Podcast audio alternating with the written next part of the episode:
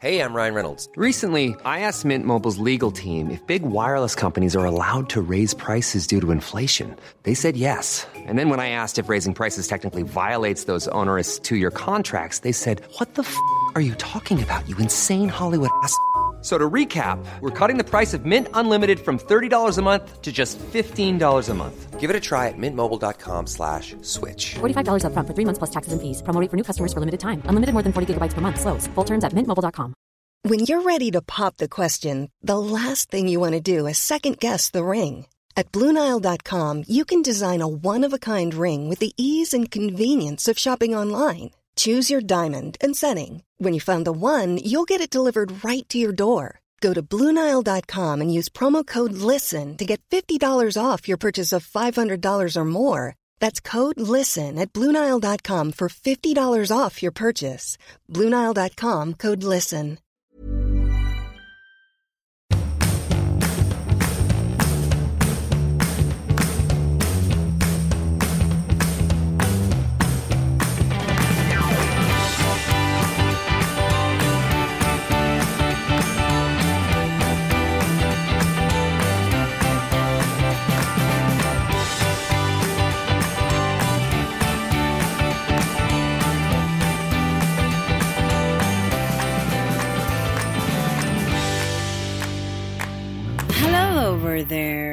Miss American Pie. Hello over there, Mrs Swedish Honey Bunny. How's the läget uh, back, back bort there, som kanske Schyffert skulle ha sagt? Nej men det är bra förutom att det är väldigt förkylt. Så därför Gud, låter det. jag så jag sitter i en tub. Mm, det gör du. Tom Allan sover lunch. Mm, trevligt. Eh, så kan man ju alltid trycka in en podd kan man ju tänka. Vi kan alltid Det trycka har ju in ett hänt par- grejer i det här landet liksom som påverkar det både mentalt sen vi, så, sen vi poddade sist. Men du förstår att du har varit med om en historisk händelse. På en vecka har världen faktiskt blivit annorlunda. Ja, det har den ju. Och det har varit liksom en liten landsorg här kan man säga i Kalifornien. Folk har varit otroligt ledsna för det här. Eh, folk har gått man ur huset, omfamnat varandra, gråtit på gatorna öppet. Det har varit protester eh, och så vidare. Det är ju så att Kalifornien är ju en av de rikaste staterna i USA. Ja. Och här vinner ju alltid sen urminnes tider. Det här är ingen swing state om man säger så. Nej, det är inte en sån här fattar 50-50 stat. Utan här är vi tok-demokrater så att säga. Eh, så att det har varit chocktillstånd eh, i denna stat helt enkelt.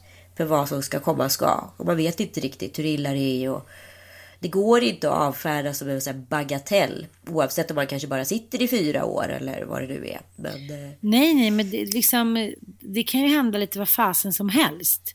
Det måste ju säga när man har vaknat upp, du vet, ibland och drömt att den andra har varit otrogen och ingen förstår när man liksom, det tycker jag är en ganska återkommande dröm, att man är så här, men va?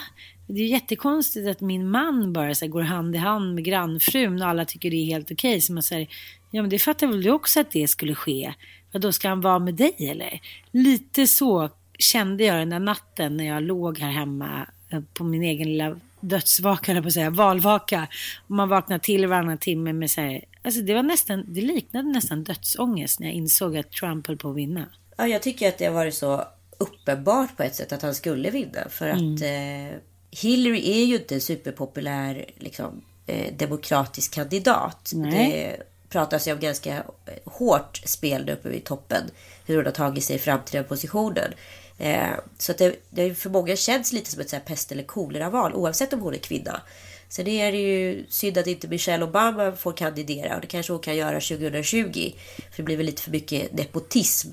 Men precis som i Bush-familjen så tänker väl Trump likadant att det här är en position som han kommer befästa och sen så ska tas i arv utav sina söner. Och det är ju så många, när man väl har fått in en fot, då blir man kvar i det politiska facket på ett eller annat sätt liksom. Jag tyckte det var så obehagligt när man såg hans tacktal och hans son stod där blek, såg ut som han hade drabbats av, av pest eller kolera och bara såg så ängslig ut så att man bara kände såhär, men gud kan inte någon bara krama om den där pojken och ge honom en korv och en glass? Nej, Det, det var en väldigt konstig känsla tycker jag. Ja, igår gick ju också den här CBS eh, 60 minutes intervjun med Donald Trump. ja. Och eh, det var ju många som reagerade på att han egentligen inte kunde genomföra så här, svaret på en enda fråga. Min analys av det där är ju att Karl har ju spritt språngande ADHD. Och det är ju inte så konstigt. Alltså, det är ju jättevanligt bland så här framgångsmänniskor. Ja. Eh, så att, att han är där han är är egentligen inte konstigt. Och han har ju liksom han har ju lyckats med någonting som ändå är helt sinnessjukt. Men det Galenskap. är ju också, ja men det är ju samtidigt så här. Han har ju liksom varit en otrolig liksom fastighets och företagsmagnat och liksom och gått Alltså totalt gått ner sig, förlorat allt och sen byggt upp det igen. Och det är inte så många, alltså hans historia är ju ändå liksom remarkable för att använda ett amerikanskt uttryck. Och att han sen lyckas bli president, det kan ju inte bli så mycket större än det. Men det sjuka är ju att det är ju ungefär som att Bert Karlsson skulle bli statsminister i Sverige. Ja, ja, det ja. skulle väl ingen vilja. Det har ju varit nästan en sanning en gång i tiden. Tack och lov så, så, så här, Blev det inte Ja, tillräckligt vi- drag under galoscherna? precis. Men det är samma knaseri liksom. Nej, ja, jag, jag, jag vill nästan inte prata om det, men jag måste ju säga att det här kommer inte pågå för evigt, men det kommer bli fyra långa år. Och den där muren som han har hotat med, som han nu eh, påstår att han ska bygga, snacka om och så här, välkommen tillbaka Hitler, Mussolini och resten av gänget. Eh, Allt är förlåtet. Nej, Det är så konstigt Jag tror, jag tror folk, jag tror tyvärr inte att han kommer få Mexiko finansiera den här muren om jag ska vara riktigt ärlig. Sen kanske, han kanske inte sätter några spadtag i jorden innan han blir bortvald som president. Men det kommer ju ändå öka upp liksom. Rasismen kommer ju bli eh, mer påtaglig. Det är ju utan tvekan en grej som är klart. Men nu så måste... ser det ut när det låser högervindar över jorden. Liksom. Nej, det kommer det- ju alltid sådana här dödsrosor upp ur myllan. Jo, jag vet. Men, men jag tycker överlag liksom att det som händer i och med att liksom, människor blir mer rädda. Ju mer rädda människor är, ju galnare blir ju världen och, och desto större chans är det för så här galenpannor som Trump att vinna såna här viktiga ämbeten om man säger så. Eh, Och nu är ju folk Ja. väldigt rädda och jag tycker också att det visar sig att jag tycker att feminismen har tagit ett jävla steg tillbaka. Det är som fet backlash. Jag kommer ihåg när Skugge, Linda Skugge skrev så här, jag tänker inte vara feminist längre. Alla tycker att man är kokobello liksom, en galen Pippi typ.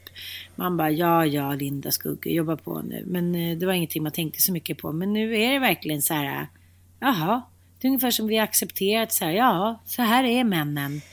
De är våldtäktsmän och de, är, de grab you by the pussy och vi får hålla hårt i kjolarna bäst det går. Jag vet inte, jag tycker att det är någon känsla av någonting som pågår. Som jag vet inte om du missade det med Sanna Nilsen. Nej men hon fick ju på, dels för att hon hade rött läppstift. Skit, skitsnyggt som Anna Kokotos hade sminkat. och dels att eh, hon hade en, en eh, jumper, en tröja, där man såg axlarna. Där fick människor Jaha. och väldigt mycket kvinnor plus 10, 15, 20 år mot vad Sanna är och reagera å det grövsta. Hon har blivit kallad världens yngsta tant och det är hitan och ditan. Och jag sitter och kollar på den här bilden, på den här vackra liksom tjejen. Och jag bara säger, hur länge jag tittar på den här bilden så kan jag inte för mitt liv förstå vad det är som stör. Liksom öppet de här kvinnorna, men det är inga nättroll heller, utan de står med namn och bild på Facebook och Nej, hon, det här galenskap att hon ska sitta så där i, i den där tröjan och med det där läppstiftet, typ inom parentes, sköka. Eh, galenskap. Så jag skrev ett litet eh, inlägg där. Nej, på... men det är ju lite galenskap nu för att eh, det, det, är de som har röstat på Trump som man inte då trodde skulle rösta på Trump. Det är ju alltså män plus 55 högutbildade och väldigt mycket kvinnor.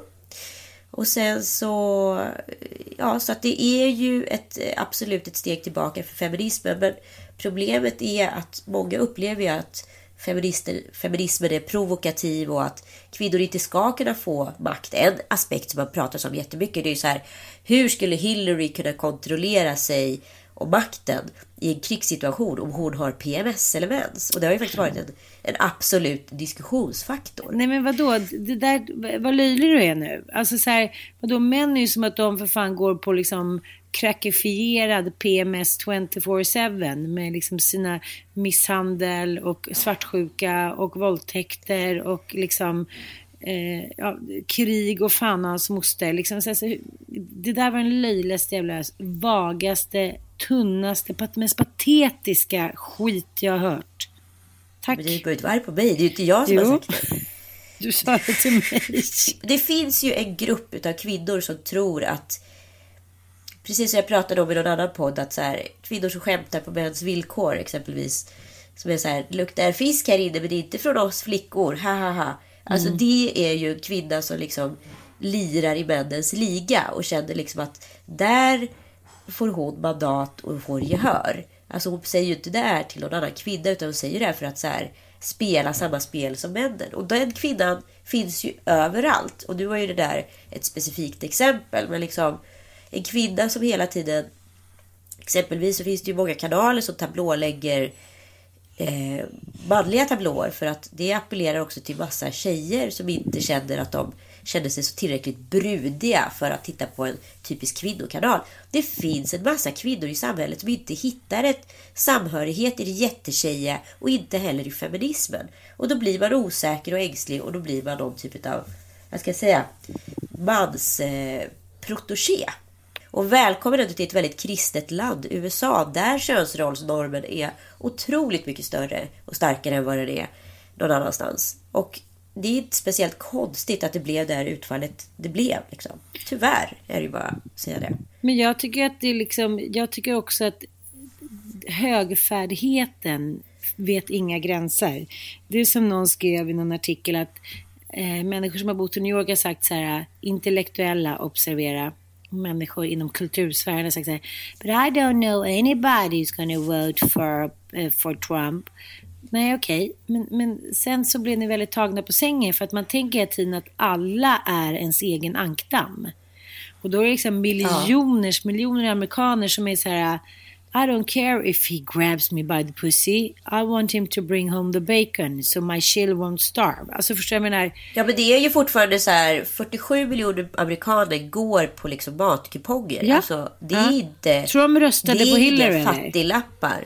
Nej det är inga fattiglappar utan det är människor som har liksom åkt ur systemet. Som inte har råd med sjukförsäkring. och Som har blivit drabbade av bakslagen ur Obamacare och så vidare. Det finns en otrolig frustration och bitterhet liksom i landet. Och den, den gör sig påmind nu. Och jag menar, det handlar ju inte bara om Obamas regim. Det är många regimer innan honom som har så här orsakat det här. Precis som varför Jimmy Åkesson blommar upp i Sverige. Det finns ett stort missnöje som har kanske pågått i tio år och nu börjar kulminera. Jag ska inte bli ett dugg förvånad ifall vi kommer behöva bilda regering med SD och några andra eh, partier nästa val. Det skulle inte vara ett dugg konstigt. Den jag. Jag tror de är tysta starkare än massan. någonsin. Den tysta massan. Jag förstår ju också trötta män är på att... För det här är ju far, Förlåt, nu kommer jag säga det. Det här är ju faran med den feminismen som precis har bedrivits. Och det är samma sak som vad som hände med Fittstim på 90-talet. Det är ju att helt plötsligt får kvinnorna så mycket makt. Eh, så att då, finns, då är ju liksom varenda snubbe en potentiell våldtäktsman. Och kommunicerar man det och bara trycker ner män och trycker ner män och trycker ner män. Då är det här den tysta protesten. Och till sist så bara börjar allting om från början.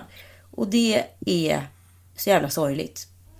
Vi måste liksom mötas på mitten annars kommer vi aldrig komma överens. Det är inte kvinnor vi behöver övertyga om att feminism är bra. Det är killar. Och det kan man inte göra genom att säga att de alla är potentiella våldtäktsmän. Så är det ju tyvärr. Men jag vet, fast nu kära Anita, nu har du blivit amerikanifierad. Amerikanifierad. Nej, det har jag absolut Nej, inte. nej, men alltså ungefär som att så här, den lilla eh, starka klumpen feminister med liksom några DN Men vadå feminister? Det handlar ju om att så här, alla tjejer, ingen kille kan ju göra rätt idag. Alltså alla killar lever ju efter devisen att så här, eh, du, kan bli, po- du är potentiellt en jävla mansgris eller en våldtäktsman vid minsta lilla du gör. Och liksom leva hela tiden under en så här hotbild. Jag såg en intervju för ett tag sedan på, på Youtube eh, som var från Nyhetsmorgon. En kille satt liksom och eh, inte ens vågade kommentera kvinnobröst. Så han sa så här, jag tycker inte man ska få exponera några bröst som är större än mina.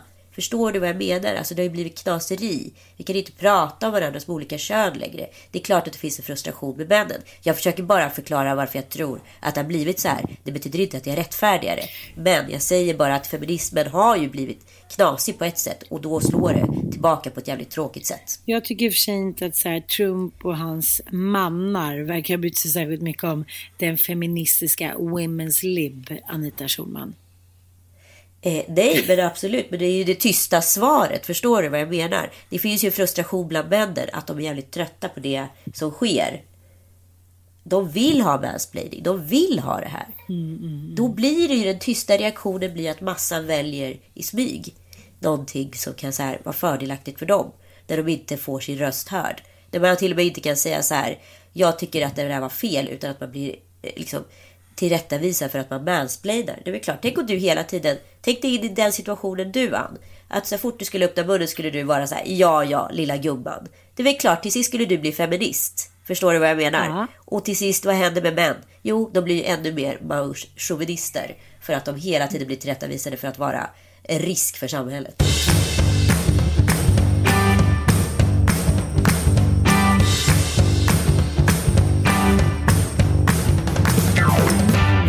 Med lite unga människor här för ett par dagar sedan. Och jag märker Okej, att tant. ironi är ingenting som har landat i en yngre generation. Nej, nej, de fattar inte det överhuvudtaget. Nej, och det är liksom som ett så här... De bara, är du ironisk nu? Jag var så här, eh, ja. För det tyckte jag att det var det mest här, logiska någonsin. Och då förstod jag att nej, men det är inte det. Nej. Och så tänkte jag på en annan grej. Alltså, så dels är så här, det finns ju väldigt mycket humor som är väldigt så här, åldersbaserad. Ah, gud, Vissa ja. personer kan ju inte ta på sig, alltså man får inte ta på sig för stora kavajer. Det är det här som sker hela tiden. Att man ser i de olika humorgenrer. Man bara, det där hade varit skitkul om du var tio år äldre. Eller det hade varit skitkul om du var tio år yngre. Mm. Och det är ju jävligt så här finspelt instrument. Det handlar ju om hur, hur, liksom, hur väl i god kontakt jag är med mitt eget känsloliv. Och hur upplever jag att andra upplever mig. Absolut, men, men jag tänker att det måste ändå finnas vissa gemensamma nämnare som om man skulle liksom kasta oss, dig och mig tillbaka som små bollar tusen år tillbaka i tiden. Så finns det ju vissa gemensamma nämnare som vi skrattade åt även då. Och det var inte trippelironi eller liksom Skillinggänget eller, alltså förstår jag jag menar? Men det måste ju ändå finnas referenser som är roliga om 200 år, för 200 år sedan och nu. Och vilka är det då? Nej, det tror verkligen inte jag. Alltså det tror jag verkligen inte. Humor är ju, alltså kollar du på så här Carl Gustav Lindstedts revyer liksom på så här 50-talet. Det, han, står ju, han står ju och drar vitsar. Det är ju en sån otroligt liksom primitiv form av stå upp. Alltså allting ska ju utvecklas och allting går ju åt liksom ett jävligt så här brutalt håll när det kommer till humor. Jag skulle ha svårt att se att vi skulle skratta brallorna av oss att så här, två tomater var ute och gick. Liksom. Ja, jo, kanske just du då. Jag ångrar mig. Kom ketchup så går vi. Också att du skulle så här, önska att jag skulle repetera den vitsen. Så här. Kan du inte säga det där med tomaterna? Det är så roligt när du berättar. Jag tror ändå att det finns vissa referenser. Om du och jag, typ alla historieätarna satt på så här, ja men en 1700-talsmiddag med liksom lite sköna bönder och eh, drängar och liksom jag på att säga. Skulle inte vi kunna skratta tillsammans? med någon? Tänk det kanske inte skulle det. Nej, det är det jag menar. För alltså, Vi kolla bara- så här på Stefan och Krister. Buskishumor. Som man fäster liksom i södra Sverige, eller vad jag ska kalla det för. Jo, tack. Eh, den humorn är ju otroligt så här...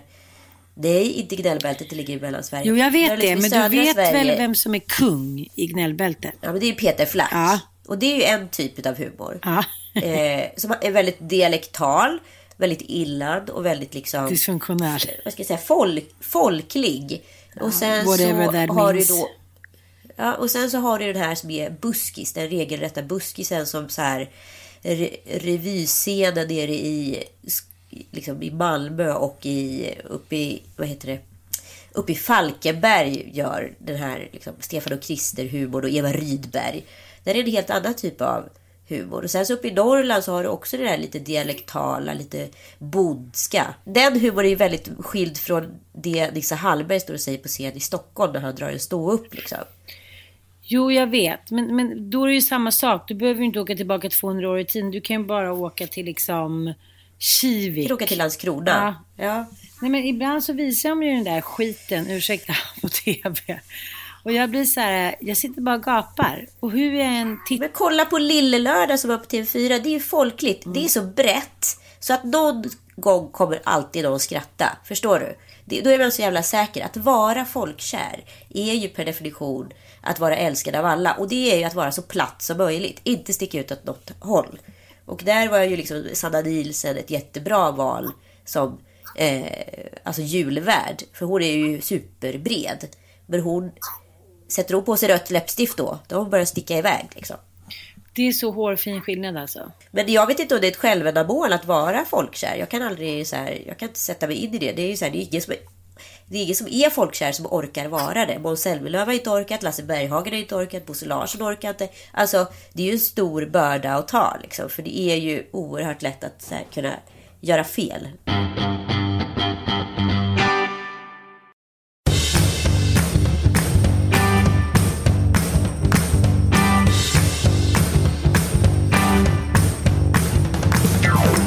Vad gör du? Du verkar inte bo på hotell längre. Nej, jag bor hemma hos eh, Cecilia Blankens, en annan gammal kär poddkollega. Eh, Som flyttade hit för ja, snart tre år sedan bara. Eh, och bor i ett underbart litet hus i The Valley. Eh, tänker på den här videon med, med Robbie Williams. Eh, vad heter det? Ja. Come on Undone. Du vet den som är så Ja, snygg. ja, Jonas ja. Åkerlund har eh, regisserat. Lite så.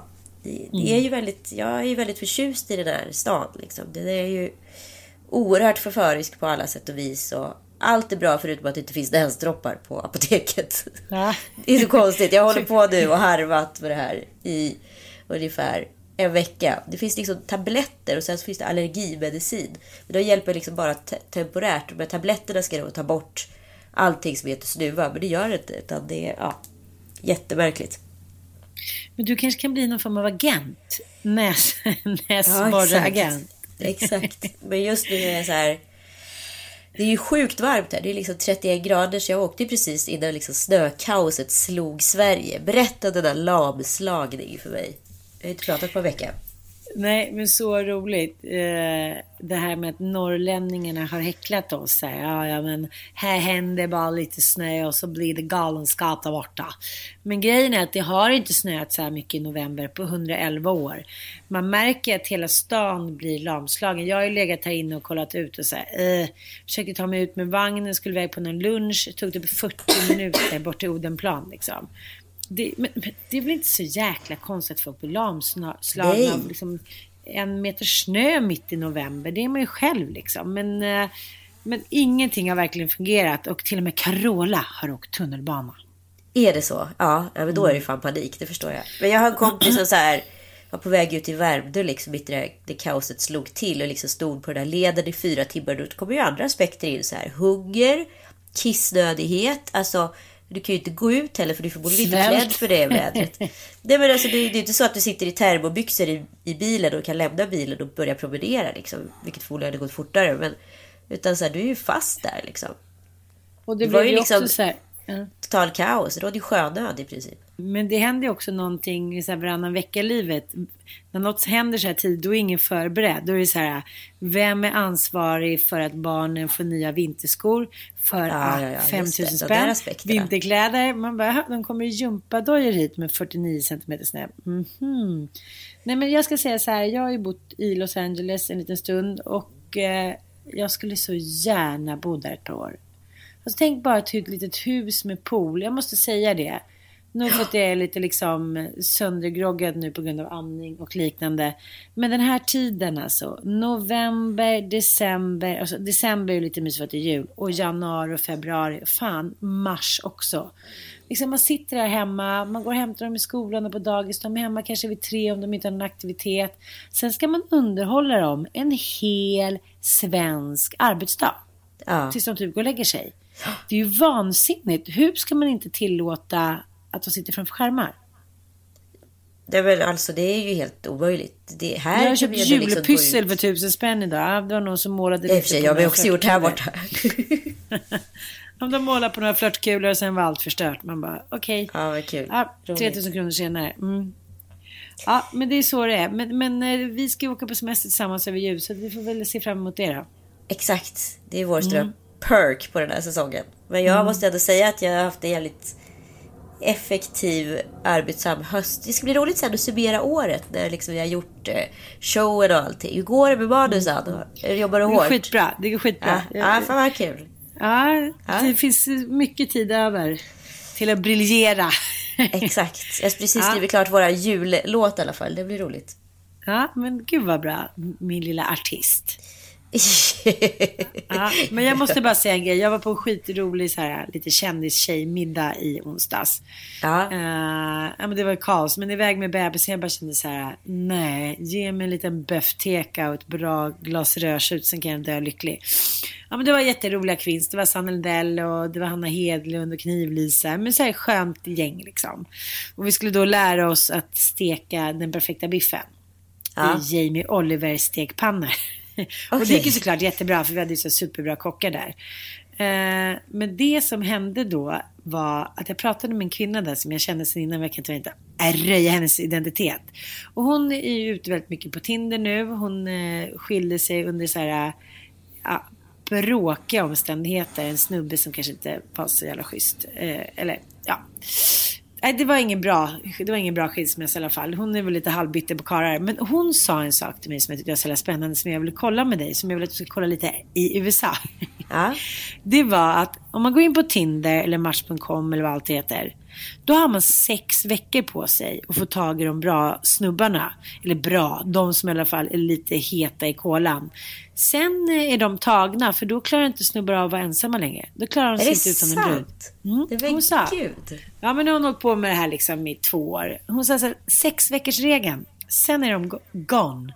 Sen klarar de inte av, de orkar inte ta tag i sin egen skit liksom. Så att de, de tar såklart, ja men typ lite första bästa som är liksom härlig och het.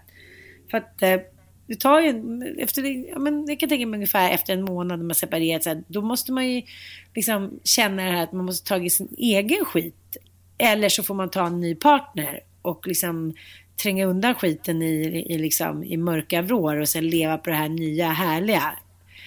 Men det Och där är så att det, intressant. det ligger alltså. någonting i det där. Det ligger någonting i det där. Ja men för vet du vad, det var, det var så roligt. Jag hade så här, satt på en parmiddag där för ett tag sedan och så var det då som frågade så här. Hur träffades ni? Eller vad var det du föll för hos Kalle? Jag tyckte han var så cool och stark och rolig och liksom.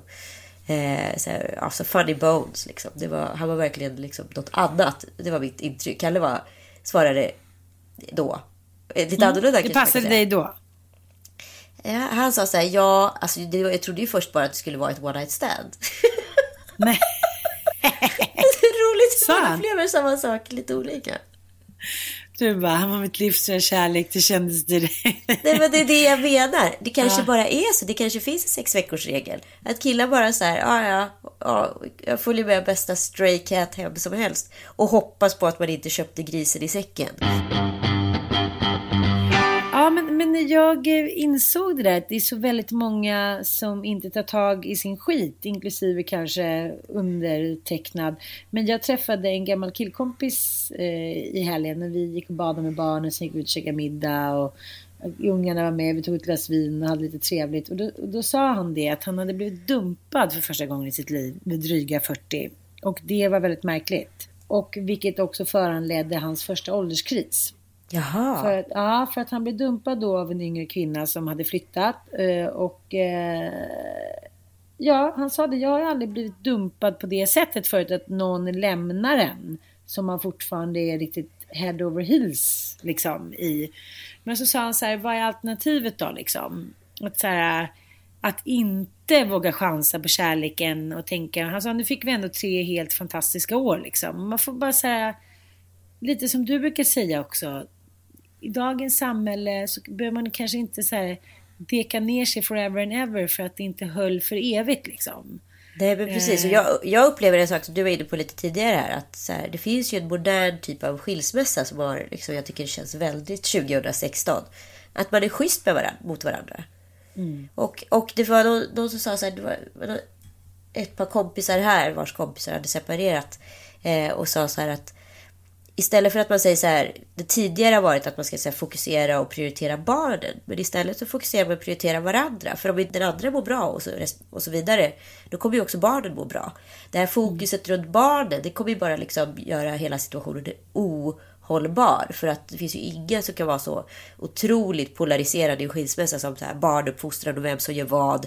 Och då kommer in den här millimeterrättvisan in igen hela tiden som ställer till det. Och då börjar bråken. Så istället så här, fokusera på att göra det så bra som möjligt för varandra istället för att eh, ja, fokusera på objektet eller vad jag ska säga. Satan vad modernt.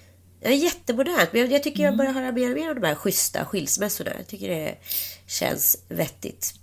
Men jag tycker också att det var, ja men där har vi också Bingo och Katrin som typ det bästa exemplet i världshistorien. Ja, i alla fall det kändaste exemplet i världshistorien. Tänk vad det hade blivit om... Nej, jag ska inte säga. Men eh, hur som helst så kändes det så himla härligt att sitta och prata med honom för att han var då förut gift med min bästis.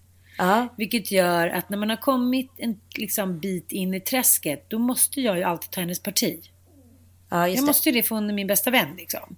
Och nu så var det så här, som att vi kom från ominerad mark. Lite som vi så här, kom ridade på varsin galopphäst typ på något fält på Gotland och bara så här och kunde liksom på något sätt här, kriga utan sköldar. För, ja, men, du vet, prata med varandra och tycka olika. Men det var liksom, vi behövde aldrig titta åt höger eller vänster. Förstår du vad jag menar? Jag menar inte att det blev som att vi var fiender. Men, men jag såg ju honom genom hennes ögon och vice versa. Liksom. Ja. Och, och då blev ju jag också en konkurrent till honom. Alltså det låter så himla barnsligt men så blir det. Men då pratar vi också om det här intressanta att först umgås man i gäng. Man har jävligt göttigt, killar och tjejer. Men, ja, allt du kan tänka, tänka dig i en salig röra, singlar och flator. Och, men du fattar, det är liksom, men man är ung, det är härligt. Det är så här, äh, när klockorna, ja men, hur går den där som är så himla bra? Vita bergens klockor ringer. Den, den definierar den videon allting vad det handlar om att vara 20 something i Stockholm. Så här, Ja. Alla hänger med alla. Oj, där brukar du ligga med den eller hångla med den hit och dit. Och man umgås, man är kompisar. Och sen så blir man par och blir ihop. Och helt plötsligt så blir, blir det värt någonting. För man är så här, man är sårbar, precis som jag är nu. Jag har två små ungar, tre äldre barn. Det är inte bara att man tar ryggsäcken och bara bye bye. Jag bara, har ju varit ensam nu två helger. Nej, jag är så här, du kan göra vad fan du vill. Jag tänker inte skilja mig. Alltså, man blir extremt sårbar. Och då kommer också liksom hotet och svartsjukan och liksom den här småaktigheten in som jag hatar. Och han sa, och nu så blev han tillsammans med en yngre tjej då. Och då var det så där igen att alla kunde hänga på samma sätt. Jag sa så här, gud vad tråkigt, jag har inte tänkt på det på det sättet. Att man åker på tjejmiddagar, man åker på tjejhelger. Vad roligt om, så var det lite när jag var singel när jag och mitt ex eh, separerade. Då var det liksom ett år av att vara 20 igen. Att alla Ja. var uppe hos mig på Klippgatan och käkade middagar och det var singlar och gamla och unga och systrar och bröder. Jag förstår du? Vi stod på balkongen och det var liksom det var väldigt befriande. Jag, jag skulle vilja ha hållit kvar det lite mer. Men det är svårt i tvåsamhetens la-la-land. Liksom. ja. Det är svårt. Ja. Ja, alltså vi alla kämpar väl på varsitt håll och ibland går det bättre och ibland går det sämre. Det är inte det. Mm. Men det är svårt det där att tänka att man inte liksom är död bara för att man misslyckas. Liksom. Man behöver inte fastna i känslan av misslyckande resten av sitt liv. Man får ta tag i sin skit och så får man gå vidare och vara glad för det fina man hade. Jag, vet inte, det kanske går bra att tänka så. Men jag jag tänkte på det nu det på finns- fars dag. När jag skrev så här, ja men tack till min pappa för en bra uppväxt. Sen dess tycker jag inte att han har varit så himla bra som pappa. Eh, tack till min nya man då, liksom bla bla. Och sen tack till då mitt ex för de här pojkarna. Och det kändes bara så här, men det är väl klart. Det är klart att jag kan för några säga, gud vad storsint. Jag bara, va? Ja men det är klart, jag har ingenting emot honom. Jag har älskat honom liksom som en galning, precis som jag älskar Mattias, precis som jag älskade Perre. Det är så här, ja, ja. Ja, men det, det, man kan alltid bli kär igen. Alltså, förstår jag? Men, nu vet jag inte hur jag vill komma, men det jag vill säga är att man, man kanske bara måste vara lite förlåtande i den världen som finns. Liksom.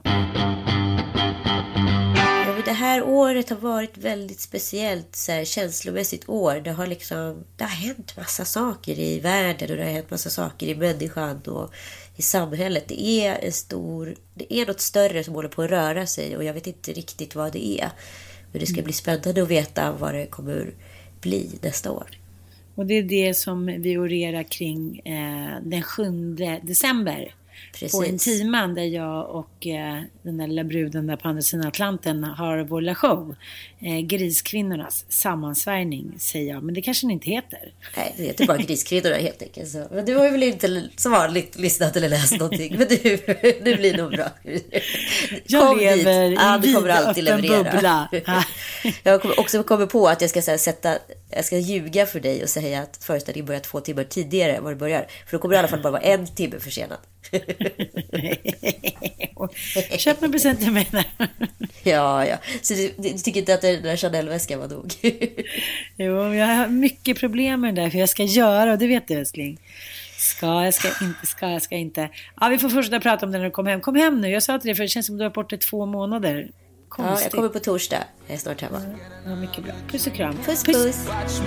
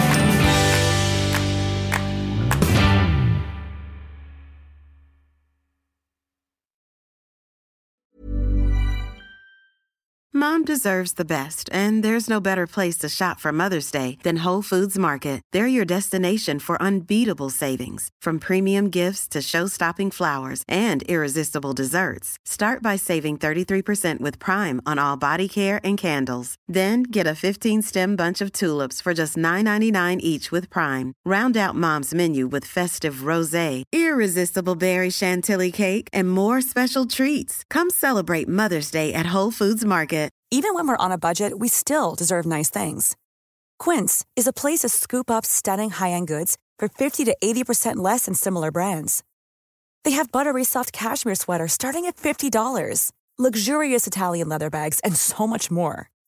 Plus, Quince only works with factories that use safe, ethical, and responsible manufacturing. Get the high-end goods you'll love without the high price tag with Quince. Go to quince.com slash style for free shipping and 365 day returns.